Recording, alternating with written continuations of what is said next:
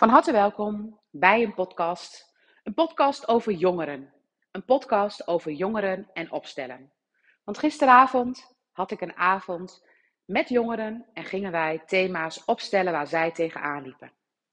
Thema's uit het dagelijkse leven gegrepen. Thema's waar zij een vraag over hadden. En dan heb ik het over thema's als waarom ga ik zo gauw als er een jongen verliefd op mij is, eigenlijk direct proberen om weg te komen en iemand anders te zoeken. Omdat ik voel dat ik dan niet bij die persoon meer in de buurt moet zijn.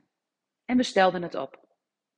En een thema als waarom vind ik het zo lastig om naar het huis van mijn vader te gaan en zijn vriendin? En waarom voel ik me daar zo weinig thuis? Of een vraag, waarom heb ik eigenlijk astma? Of een vraag, waarom voel ik mij zo supersnel aangevallen door docenten? Of een vraag: waarom maakt mijn vader zoveel ruzie met mijn moeder sinds ze gescheiden zijn? Allemaal hulpvragen die allemaal natuurlijk en logisch zijn. Allemaal hulpvragen die als je ze het opstelt, zoals wij dat gisteravond hebben gedaan, een antwoord in zich hebben.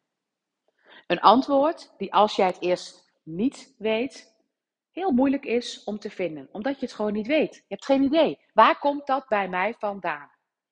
En het moment dat je het wel weet, krijgt het direct een ander perspectief. En doordat het direct een ander perspectief krijgt, voelt het meteen alsof het veranderen kan. Want één iemand die zei, die er vorige keer ook was en die de vorige keer ook een hulpvraag stelde, eigenlijk is het helemaal veranderd. Hetgeen wat ik had was de onzekerheid, maar ik snap nu helemaal waar die onzekerheid vandaan komt. En omdat ik het weet, ik heb het niet meer gehad, terwijl het ze dagelijks had. Gisteren, samen met een aantal ouders, was ik natuurlijk een volwassene. En opnieuw verwonderde ik mij over de jongeren. En het verschil wat ik zie tussen jongeren en ouderen is het gevoel van schuld en oordeel. Wat zijn wij als volwassenen bang om een opstelling te doen? Wat zijn er veel mensen die daar een hele grote angst voor hebben? Angst van wat zal de ander ervan vinden? Angst van is het wel veilig genoeg? Angst van heb ik het wel goed gedaan of doe ik het misschien fout?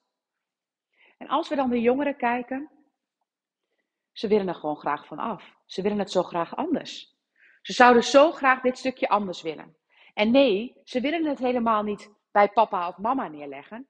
Ze willen kunnen begrijpen waarom iets is zoals het is, zonder oordeel. En wat kunnen wij dan als volwassenen met een oordeel naar situaties kijken.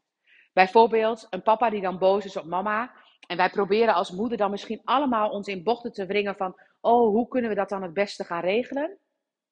En het kind wil het gewoon kunnen begrijpen. Die wil met liefde naar papa kijken, maar papa, waarom, waarom gebeurt dit? Wat speelt hier? Zo kijken ze.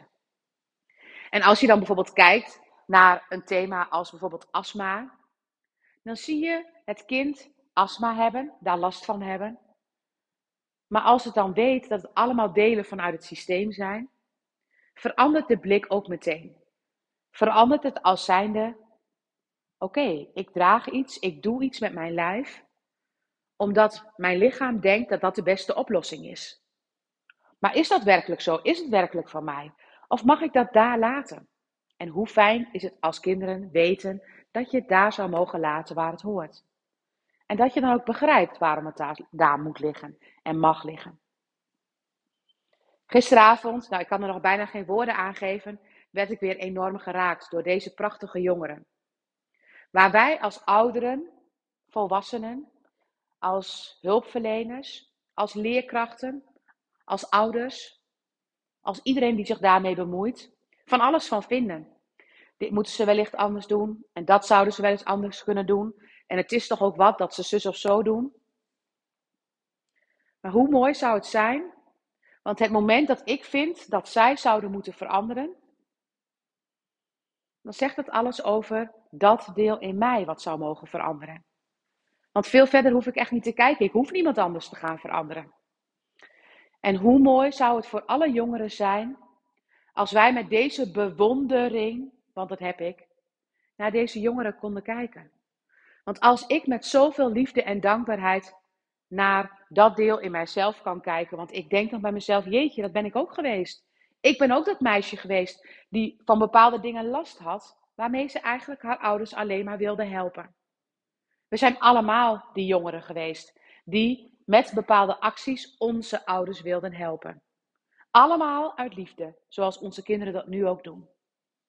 En het moment dat we met die open blik naar hun kijken, met die verwondering naar hun kijken, als ik met zo'n blik naar jou zou kijken.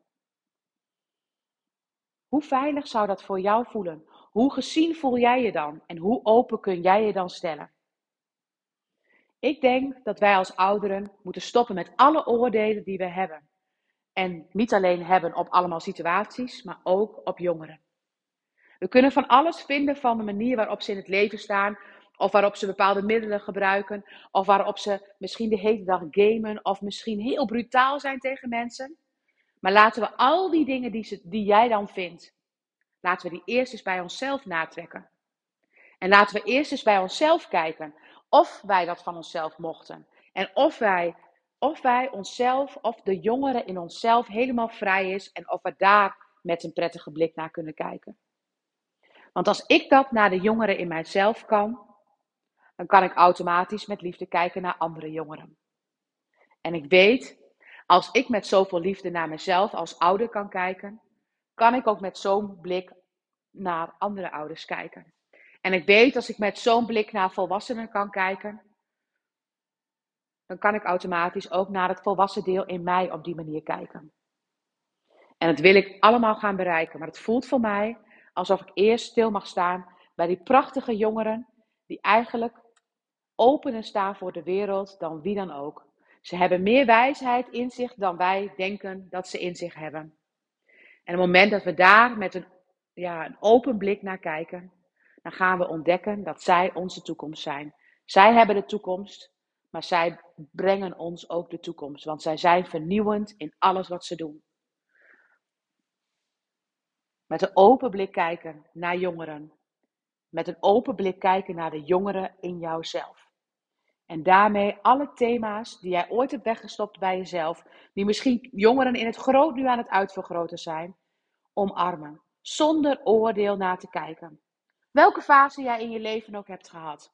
Welke rebelligheid jij wellicht hebt gedaan. Hoeveel drankjes je wellicht hebt gedronken en hoeveel mannen je wellicht of vrouwen je wellicht hebt gezoend. Laat het allemaal los en laat het er zijn. En weet dat als dat er allemaal mag zijn, als je met liefde naar dat deel in jezelf kan kijken, dat je ook met een open en liefdevolle blik naar jongeren kunt kijken. Ze zijn prachtig. Dankjewel voor het luisteren.